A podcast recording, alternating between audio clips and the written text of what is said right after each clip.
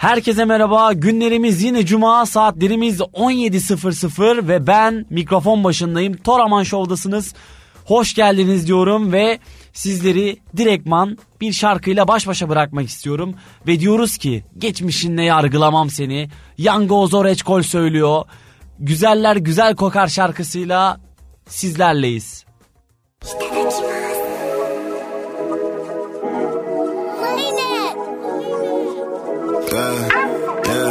Gerek yok tarife çünkü konum attım manite. İzin al gel sahile alırsan kızmaz valide. Bir Paris bir Bali'ye e, e, partiden partiye. Yükle para aniden sordu ne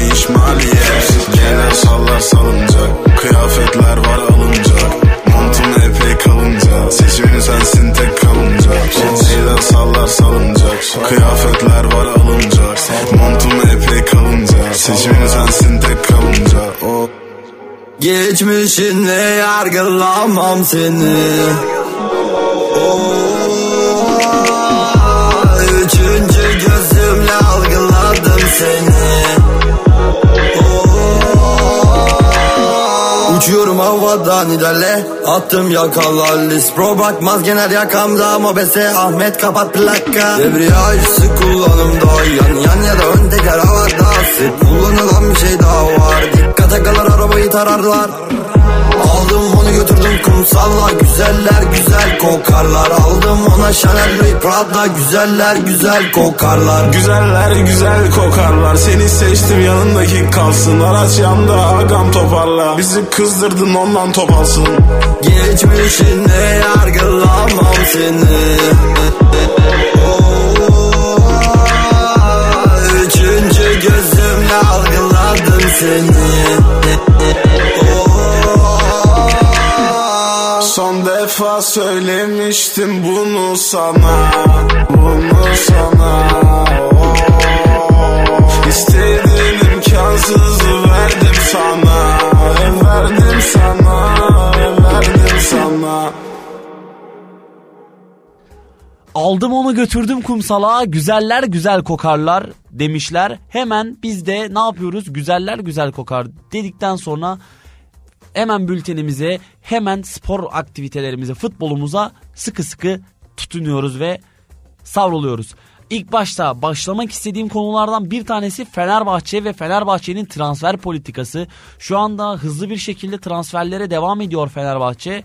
Ee, Almanya'da oynayan, Union Berlin'de oynayan İtalyan stoper Bonucci ile anlaşma sağladığını bildirdi Fenerbahçe ve İstanbul'a geldi. Geçtiğimiz Konya Spor maçını tribünden takip etti, lojadan takip etti Bonucci ve o maçta da harika goller izledik. Hem Fenerbahçe tarafından hem Konya Spor'un attığı gol olmak üzere mükemmel goller izlediğimizi söyleyebilirim. Maçta toplam 8 gol çıktı. İlk yarısı 5 tane, ilk yarıda 5 tane golle karşılaştık. Mükemmel bir akşamda futbol ziyafetiydi açıkçası söylemem gerekirse. Ee, baktığımızda hala transfer politikası devam ediyor. Kurun işte anlaşma sağlandı ve yarın yani cumartesi günü e, öğlen saatlerinde İstanbul'a varacağı konuşuluyor şu anda e, kurun için Milan'dan o da önemli bir takviye orta saha için. Çünkü Fred'in yanına hatta baktığımız zaman e, Miguel Crespo şu an sakat. E, geçtiğimiz Konya Spor maçında sakatlandı ve yeri, yerini İsmail'e bıraktı ısınma anında. E, bu bu tarz bir döngüde baktığımız zaman Fred'le birlikte harika bir ikili olabilir aslında Kurunic. Fred'in yokluğunda da Kurunic Crespo gibi bir harika ikili yaratılabilir diye çeşitli opsiyonlar sağlanabilir. Bir diğeri de e, Fenerbahçe'nin yollayacağı isimlerden bir tanesiyle alakalı Samet Akaydın. Samet Akaydın Yunanistan yolcusu Panathinaikos'la anlaştığını neredeyse söyleyebiliriz. Hani e, gelen bilgiler bu yönde şu anda. Fatih Terim'in de açıklamaları vardı yanlış hatırlamıyorsam. E, şu anda Samet Akaydın'la olumlu ya da olumsuz herhangi bir şey yok. Görüşmelerimiz devam ediyor şeklinde. Hani William e, tanıdık isimler de var açıkçası Yunanistan'da Fatih Terim'le birlikte. Ee, yanlış hatırlamıyorsam Gustavo olması gerekiyor. Ee, Gustavo da Gustavo ya da Willian Arao. Fenerbahçe'nin eski oyuncularından bir tanesi daha Panathinaikos cephesinde bulunmakta. Ee, Fatih Terim'in yanına bence iyi bir transfer. Çünkü Samet Akaydın hem Türk olarak e, şu anda Türkiye'nin bence sayılı stoperlerinden bir tanesi Abdülkerim Bardakçı ile birlikte. Her ne kadar Abdülkerim şu anda daha iyi bir performans grafiği çizse de Fenerbahçe tarafından Samet Akaydın sevilmese de iyi bir stoper olduğu gerçeğini değiştirmiyor tabii ki de bunlar. Hemen biz dönüyoruz. Ee, Perşembe e, pardon çarşamba gününe İspanya Kupası'nda muazzam bir maç izledik. Real Madrid Real Madrid, Atletico Madrid, Arda Güler de süre aldı bu maçta. Ee, ilk yarısı 2-2 bitti. Maç sonucu 3-3. Uzatmalarda Real Madrid 5-3'lük skorla kazanmayı bildi. Yani bu maçın kazananı çıkması için 90 dakika yetmedi diyebilirim. 120 dakika izledik ve nefes kesen bir mücadeleydi. Bol gol oldu tam beklentimin beklentimi karşılayacak bir maç oldu açıkçası söylemem gerekirse. Çünkü hani iki dev iki Madrid takımı Madrid derbisi dediğimiz sektörde artık e, bir birlik ya da bir sıfırlık skorlar hani gülünç diyebiliriz açıkçası söylemem gerekirse. Çünkü artık futbol biraz daha e, gol izletmeye yönelik bence. Hani savunma takımların savunma yapması, ön planda olması iyi bir şey aslında. Ama e, savunma takımından çok gol atabilmek de mükemmel bir futbol izletebilmek de önemli diye düşünüyorum. Hemen geçtik diğer maçımıza. Ee, gene çarşamba gününün maçlarından bir tanesi Fatih Karagümrük Kayseri Spor. Fatih Karagümrük evinde 4 birlik skorla net kazandı. Gerçekten net kazandı. İlk yarı 3-1 bitti. Fatih Karagümrük zaten bu maçı aldı kopardı götürdü dedik yani. Gözlerimiz ellerimiz kapalı bir şekilde. 3-1 olduktan sonra ya tamam abi hani bu maç artık zor. Hani 3-3 bile imkansız e, mental ve moral olarak da e, düşüşte olmaları bekleniyordu zaten Kayseri Spor'un. Ki öyle de oldu açıkçası. E, yani 3-0 olduktan sonra atılan bir gol belki 45 artıda Kayseri'ye moral verdi ama hani 3-0 gitmekten daha farklı bir sektör olarak yani 3-1'den biraz dönüşte zor olacaktı ve kendi evinde gerçekten de net kazandı. İkinci yarı tabii Kayseri'nin kaçırdığı goller de var. Hani Kayseri burada beraberliği de yakalayabilirdi. Ama yani bir de üstüne ilk yarının ikinci yarının başlarında gol yedikten sonra dakika daha 52'de gol yedikten sonra artık 4-1'den sonra işler biraz daha Kayseri Spor için istenmeyen hala, hale gelmişti.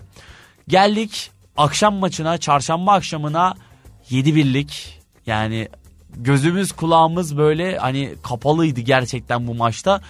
Nefeslerimi tuttum yani golleri izlerken çok böyle bir anda farklı şeyler yaşandı. İşte Edin Dzeko hat-trick yaptı. E, Şimanski 4 dakikada iki, bir gol iki asist yaptı. E, Batshuayi gol attı. Batshuayi'nin attığı gol de inanılmaz. Ya beni açıkçası çok tatmin etti gol. Bütün maç golle geçti ama baktığımız zaman beni en çok tatmin eden gollerden bir tanesi Batshuayi'nin golü. Diğeri de Konya Spor'un attığı, Cilerbe'nin attığı gol. İkisi de beni hani maçın zevkini doruklara çıkartacak gollerdi. Özellikle Cilerme'nin golü yani ayağına muazzam oturdu. Livakovic çaresizdi. Hani yapabilecek hiçbir şey yoktu. Fenerbahçeli taraftarlar bu arada alkışladığı golden sonra Konya sporlu oyuncuları özellikle Cilerme'yi.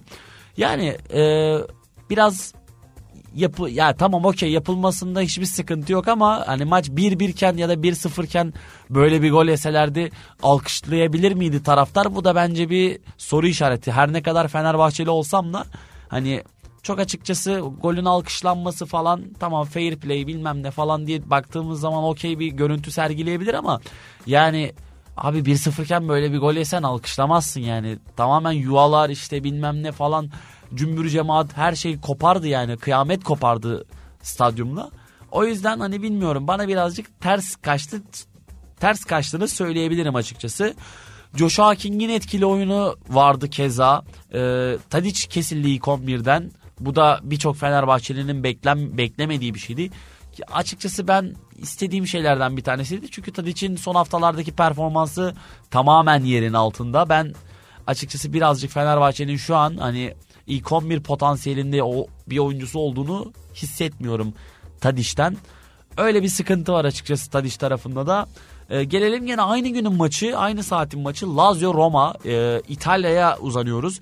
İtalya'da da inanılmaz ve kırmızı kartların havada uçuştuğu maç. Yani maç bitimi sonrası 90 artı 90 artı yani her an kırmızı kart çıktı diyebilirim. Özellikle 90. dakikadan itibaren o son 15 dakikalık dilimde, son 10 dakikalık dilimde tamamen kırmızı kart odaklı bir maç oldu. Zaten Lazio 1-0 öndeydi skoru koruyordu. İlk yarısı 0-0 bitti. Maç dengeliydi. Roma çok şeyler kaçırdı. Çok gol kaçırdı. Özellikle Lukaku. Hani beni biraz izlerken ya abi at artık şunu dercesine böyle hani isyan ettirdi. Ee, Lazio'nun kazanması birazcık benim açıkçası beklemediğim bir şeydi. Tamam her ne kadar ev sahibi Lazio olsa da Roma'da yani boş bir takım değil. Gerçekten kaliteli bir takım. Kaliteli ayaklara sahip iyi bir kadrosu var ve son haftalardaki performansı da bence Roma'nın hani bu maçtan galibiyet çıkartabilecek, bu maçı kazanabilecek potansiyelde olduğunu söyleyebilirdim. 90 artıda Pedro ikinci sıradan kırmızı kart gördü. Bu ilk kırmızı kart maçtaki Sardar Amzoun, Amoun 90 artı 10'da o da kırmızı kart gördü. Ve maç bitiminden sonra da Mancini o da bir kırmızı kart gördü. Yani bu maçta 3 tane toplamda kırmızı kart çıkmış bulunmakta.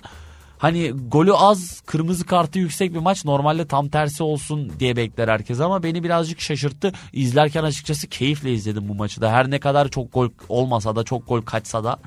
Geldik bir anda tekrardan Milan Atalanta maçına. Milan Atalanta maçıysa hani ben açıkçası burada Milan'ın kazanmasını bekliyordum. Atalanta her ne kadar son haftalarda form grafiği iyi seviyede gözükse de e, benim açıkçası bu maçtan beklentim galibiyetti ki ilk yarısı bir birlik karşılıklı golle bitti. E, ben ilk yarıdan karşılıklı gol olacağını düşünmüyordum açıkçası. Karşılıklı gol bekliyordum elbette ama çünkü Atalanta'da dediğim gibi es geçemeyeceğimiz bir ekip. E, Milan'ın bu maçı kazanıp hani böyle 2-1'lik skorun Milan lehine olması düşünüyordum ben biraz daha fazla. Beklentimin tam tersi oldu. Atalanta kazandı. Yani dediğim gibi beklemediğim bir skordu. Bu skoru hak etti Atalanta ve hak ederek kazandı. İyi oynadılar. Bunları söyleyebilirim açıkçası bu maç üzerinden de. Ee, geldik şimdi tamamen bu hafta sonunun maçlarından Asya Kupası. Asya Kupası başlıyor. Sonunda Asya Kupası yani benim ligim benim serüvenim başlıyor. Gerçekten kaliteli maçları izleyeceğimizi düşünüyorum ben bu Asya Kupası'nda. Asya milli takımları arasında büyük bir rekabet dönecek. Ee, özellikle bu şampiyonada ben Güney Kore ile Japonya'yı hani alıp götürebilecek potansiyelde görüyorum ki keza da Asya'da Asya tarafında Asya bölgesinde öyle yani büyük e, milli takımlarda yok açıkçası. Yani çok büyük sıkıntılar yaratabilecek bu Japonya'ya işte Güney Kore ekiplerine sıkıntı yaratabilecek çok bir ekipte yok diye düşünüyorum. Ayın 13'ü yani yarın cumartesi günü Çin Tacik, Tacikistan maçı var. Tacikistan hiç bilmediğim bir ekip öyle söyleyeyim. Ee, hiç duymadım Tacikistan diye bir yerin gerçekten varlığından haberim olmadığını söyleyebilirim. Çin'in biraz futbolunu biliyorum. Hani Çin daha iyi bir ekip tabii ki de. E, beklentim zaten Çin'in kazanması yönünde bu maçı. E, ki bir arada fut, Çin futbolu bayağı popülerdi. Baktığımız zaman şu anda da aslında Asya tarafında Asya bölgesinde e, yani ilk 5'e girebilecek bir potansiyelde olduğunu düşünüyorum Çin futbolunun. Hani beklentim bu maçtan kesinlikle Çin'in kazanması yönünde ki e, son Kore maçını izlediğimde ben e, ayın kaçıydı 11'indeydi sanırım ya. Geçtiğimiz sene işte 11'inde olması gerekiyor. Evet. Sanırım 11'indeydi. E, o maçı da izlediğim için aslında Kore Cumhuriyeti'ne karşı Kore'ye karşı yani iyi de dayandı belirli bir yere kadar ama istediği sonucu alamadı. Bence buradaki en önemli sorulardan bir tanesi e, Çin'in biraz daha böyle işte Özbekistan, Vietnam, Suriye, Malezya gibi takımlara karşı ne yaptı? E, onun hemen bir istatistiğine baktığımda Özbekistan'a karşı 2-1'lik bir mağlubiyeti var. Çin'e karşı e, pardon Vietnam'a karşı 2-0'lık galibiyeti, Suriye'ye karşı 1-0'lık mağlubiyeti var. Filistin'i yenmişler 2-0, Myanmar'ı yenmişler. Hani baktığımız zaman Tayland'ı yenmişler son e, diyebilir son galibiyetleri zaten Tayland maçı 2-1'lik bir skor. E, bu maçtan açıkçası biraz daha Tacikistan e, kapalı kutu benim için. Çünkü çok bilmediğim bir ekip.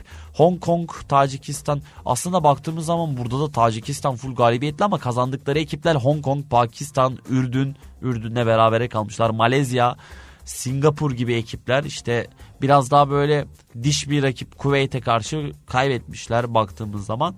Genel olarak form, form grafiğine bakarak e, bir bir şey söylememiz gerekirse Tacikistan'ın buradan gol bulacağı yani karşılıklı gol izleyebileceğimiz ama e, ben bana açıkçası Tacikistan o kadar fazla güven vermiyor ve bu maçta çok fazla gol de izleyebilir miyiz? O, orası birazcık soru işareti diye düşünüyorum. Ben hani 3-4 gol olacağını zannetmiyorum bu maçta. Bir birlik bir skor beni yanıltmaz. 1-0'lık bir Çin galibiyeti de yaşanabilir. Yani e, bu maç üzerindeki genel düşüncem ya Çin kazanır ya iki takım da gol atar. Ben açıkçası maça baktığım için böyle düşünüyorum. Çin'i de az buçuk hani izledim biliyorum ne yapabilir neler yapamaz onları da birazcık hesaba kattığımızda Tacikistan tamamen şu an benim için bir sürpriz kutu. Yani bu cumartesi günü saat 17.30'da yarın izleyeceğiz göreceğiz diye söyleyebilirim. Geldik bir sonraki maçımız Özbekistan Suriye karşılaşması. Cumartesi günü 20.30 karşılaşması. Yani Türkiye saatiyle tabii ki bunlar. Ee, bu maçta Suriye biraz daha alt konumda diyebilirim açıkçası. Özbekistan'dan benim beklentim çok yüksek çünkü e, belirli seviyelerdeki ekipleri diş, geç, diş geçirebilmiş bir milli takım öyle diyebilirim açıkçası. E, baktığımızda işte son maçlarına da Filistin'e karşı galibiyet, Kırgızistan galibiyeti, İran beraberliği, Çin'e karşı galibiyetleri var. Hani e, kazanabilirler. Kazanmaya en yakın taraflar. Ben Suriye'yi Japonya maçında izlediğimde 5-0'lık Japonya galibiyetini izlediğimde ya dedim ki abi Suriye ya abi işte bu gruptan çıkamayabilir ya. Gerçekten hani bu grupta işleri çok zor. E zaten gruplarında da Hindistan, Avusturya, Avustralya, Özbekistan ve Suriye kendileri var. Ee, ilk iki garanti çıkıyor. Üçüncü muhtemel üsttür. Yani en iyi üçüncü muhabbetleri dönecek o kısımda da. Ben ilk üçe girebileceklerini, ilk ikiye girebileceklerini düşünmüyorum. En iyi üçüncü olarak çıkma ihtimalleri de e, biraz daha diğer fazla diğer grupların ihtimaline ve grubuna göre yani bu grup B grubu mesela B grubunda ilk üç biraz zor diyebilirim açıkçası e, Suriye için. Açıkçası ilk iki, ilk iki, ilk iki desem daha doğru olur. İlk ikiye girebileceklerini düşünmüyorum. Hatta bu maçı Özbekistan'ın en az iki gol atarak da kazana, kazanabileceğini gönül rahatlığıyla söyleyebilirim. Geldik bir sonraki gün pazar günü 14.30 maçı Japonya-Vietnam. Japonya benim en hakim olduğum takımlardan, milli takımlardan bir tanesi zaten. Bunu her programımda sizlere anlatmaya çalışıyorum. Ee, Japonya'dan bu maç için beklentim çok yüksek. Ki hazırlık maçlarında yaptıkları inanılmaz potansiyel yükselmesi var zaten. Ürdün'e 6-1'lik galibiyet, Tayland'da 5-0'lık galibiyet, Suriye 5-0, Myanmar 5-0, Tunus 2-0, Kanada 4-1, Türkiye 4-2, Almanya 4-1, Japonya 4-1, 6-0 El Salvador. Yani son 9-10 maçtır kaybetmiyor zaten. Full kaybetmeden hazırlık maçlarıyla hatta e, biraz daha geriye gidersek mükemmel bir Dünya Kupası maçlarıyla Japonya bizi harika bir futbol ziyafetiyle 2023 yılı yaşatmıştı. 2024'ün de Üçüncü maçı onlar için Tayland galibiyeti ve Ürdün galibiyeti 2024 senesinde yani bu sene gerçekleşti. Biri 1 Ocak'ta olması gerekiyor biri de 9 Ocak sanırım. Evet, evet, evet. 9 Ocak. Ee, bu Ocak galibiyetlerine bir yenisini daha ekleyebilir ve en az 4 gol bulur diye düşünüyorum açıkçası. Ee, Japonya'nın özellikle ilk yarıdan maçı kopartırlarsa İkinci yarı daha az gol izleriz ama baktığımız zaman Japonya'nın biraz sağ solu belli olmuyor. Tayland maçında ben ilk yarıdan bu maçı kopartacaklarını düşünüyordum ama ilk yarısı 0-0 bitti. İkinci yarı 5 gol birden izledik. Ee, ama dediğim gibi Japonya ilk yarıdan 2 gol bulursa kesinlikle 4-5 gole kendi başlarına ulaşabileceğini düşünüyorum. Gol yeme ihtimallerini daha aşağıda görüyorum. Çünkü hani Vietnam bilmiyorum ya biraz kapalı kutu onlarda. Hani gruptan çıkabilmeleri onların da Endonezya, Irak, Japonya, Vietnam grubundan çıkabilmeleri ya ilk ikiye girmelerini zor görüyorum ben. Çünkü Endonezya, Japonya Japonya liderliğe kesin en büyük aday diyebilirim ama Endonezya'nın ikinci mi üçüncü mü olur tartışması büyük sürpriz. Irak kapalı kutu bence. Vietnam kapalı kutu bilmediğim ekiplerden bir tanesi ama e, genel olarak bir baktığım zaman şöyle son maçlarına vesairede Kırgızistan mağlubiyeti var. Irak'a karşı mağlubiyet. Filipinleri yenmişler. Kore'ye karşı kaybetmişler. Yani çok açıkçası Kore galib Kore mağlubiyeti işte Kırgızistan mağlubiyeti falan deyince de çok konuşmaya da gerek duymuyorum. Direktman bu maça Japonya'nın kazanacağı belli zaten ama kaç tane atarlar ben en az 4 tane atabileceklerini o potansiyeli düşünüyorum görüyorum. Geldik pazartesi 14.30 maçına Güney Kore Bahreyn maçı. Bu maçta da Güney Kore'nin tabii ki de daha önde olduğunu söyleyebilirim. Ee, onların grubunu da saymam gerekirse Bahreyn, Kore, Malezya, Ürdün. Ee, burada Malezya'nın ilk üçe girebileceğini düşünüyorum. Bahreyn Bahreyn'in ilk üçe girebileceğini düşünüyorum. Ee, Güney Kore'nin lider çıkacağını düşünüyorum ve Ürdün bence Ürdün bu gruptan çıkamaz. Öyle bir e, hava var. Ürdün'de bence benim için de birazcık kapalı kutu diyebilirim. Çünkü Malezya'yı da o kadar hakim olmadığım için e, Malezya Ürdün biraz kapalı kutu ama e, şöyle bir son maçlarına falan bir hafif göz gezdirdiğinde işte maç özetlerini izlediğinde Malezya'nın daha iyi bir takım olduğunu izlenimini kazandım. Bu maçta da Güney Kore'nin 3-4 gollü, bol gollü galibiyeti olabileceğini düşünüyorum. Ee, 3-0, 2-1 o, ta, o denli galibiyetler Güney Kore cephesinden bekliyorum. Özellikle sonun harika performansı biliyoruz, biliyoruz ki İngiltere Ligi'nde zaten inanılmaz top oynuyordu. Ee, inanılmaz top oynayarak geldi Tottenham'dan Güney Kore'ye şu anda. Yani dediğim gibi e, ev sahibi olarak gözüküyorlar zaten. Hani kaybedeceklerini düşünmüyorum. Zaten o hiç kimsenin beklemediği şeylerden bir tanesi ama en az 3 gol izleyeceğimizi söyleyebilirim. Gönül rahatlığıyla Güney Kore'den geldik. Hemen biraz daha ligimize dönelim. Ee, Asya'yı bırakalım birazcık. Milli takımları bıraktık. Geldik ligimize gene cumartesi gününün bir maçı Beşiktaş Fatih Karagümrük karşılaşması. Beşiktaş son maçını hiç beklenmedik bir şekilde Çaykur Rize'ye karşı kazandı. 4-0 mükemmel bir sonuç. iyi bir futbol beklenmedik bir sonuç. Çünkü Çaykur Rize'nin kendi evinde ne kadar iyi top oynadığını hepimiz biliyoruz. E, bu maçtan beklentim benim 3 gol ve üzeri. Çünkü Karagümrük'te gol atabilen bir ekip Beşiktaş'ta son maçta inanılmaz şeyler izletti bizlere. Bu maçta en az 3 gol izleyeceğimizi düşünüyorum. Ee, bir diğer maçımız Gaziantep Fenerbahçe karşılaşması. Pazar gününün maçı. Bu maçta da iki takımın da gol atması muhtemel olarak olarak görüyorum. Çünkü Fenerbahçe her ne kadar çok gol atsa da e, Gaziantep'te bir o kadar gol atabilen bir takım ve kendi evinde daha iyi oynayabilen bir takım.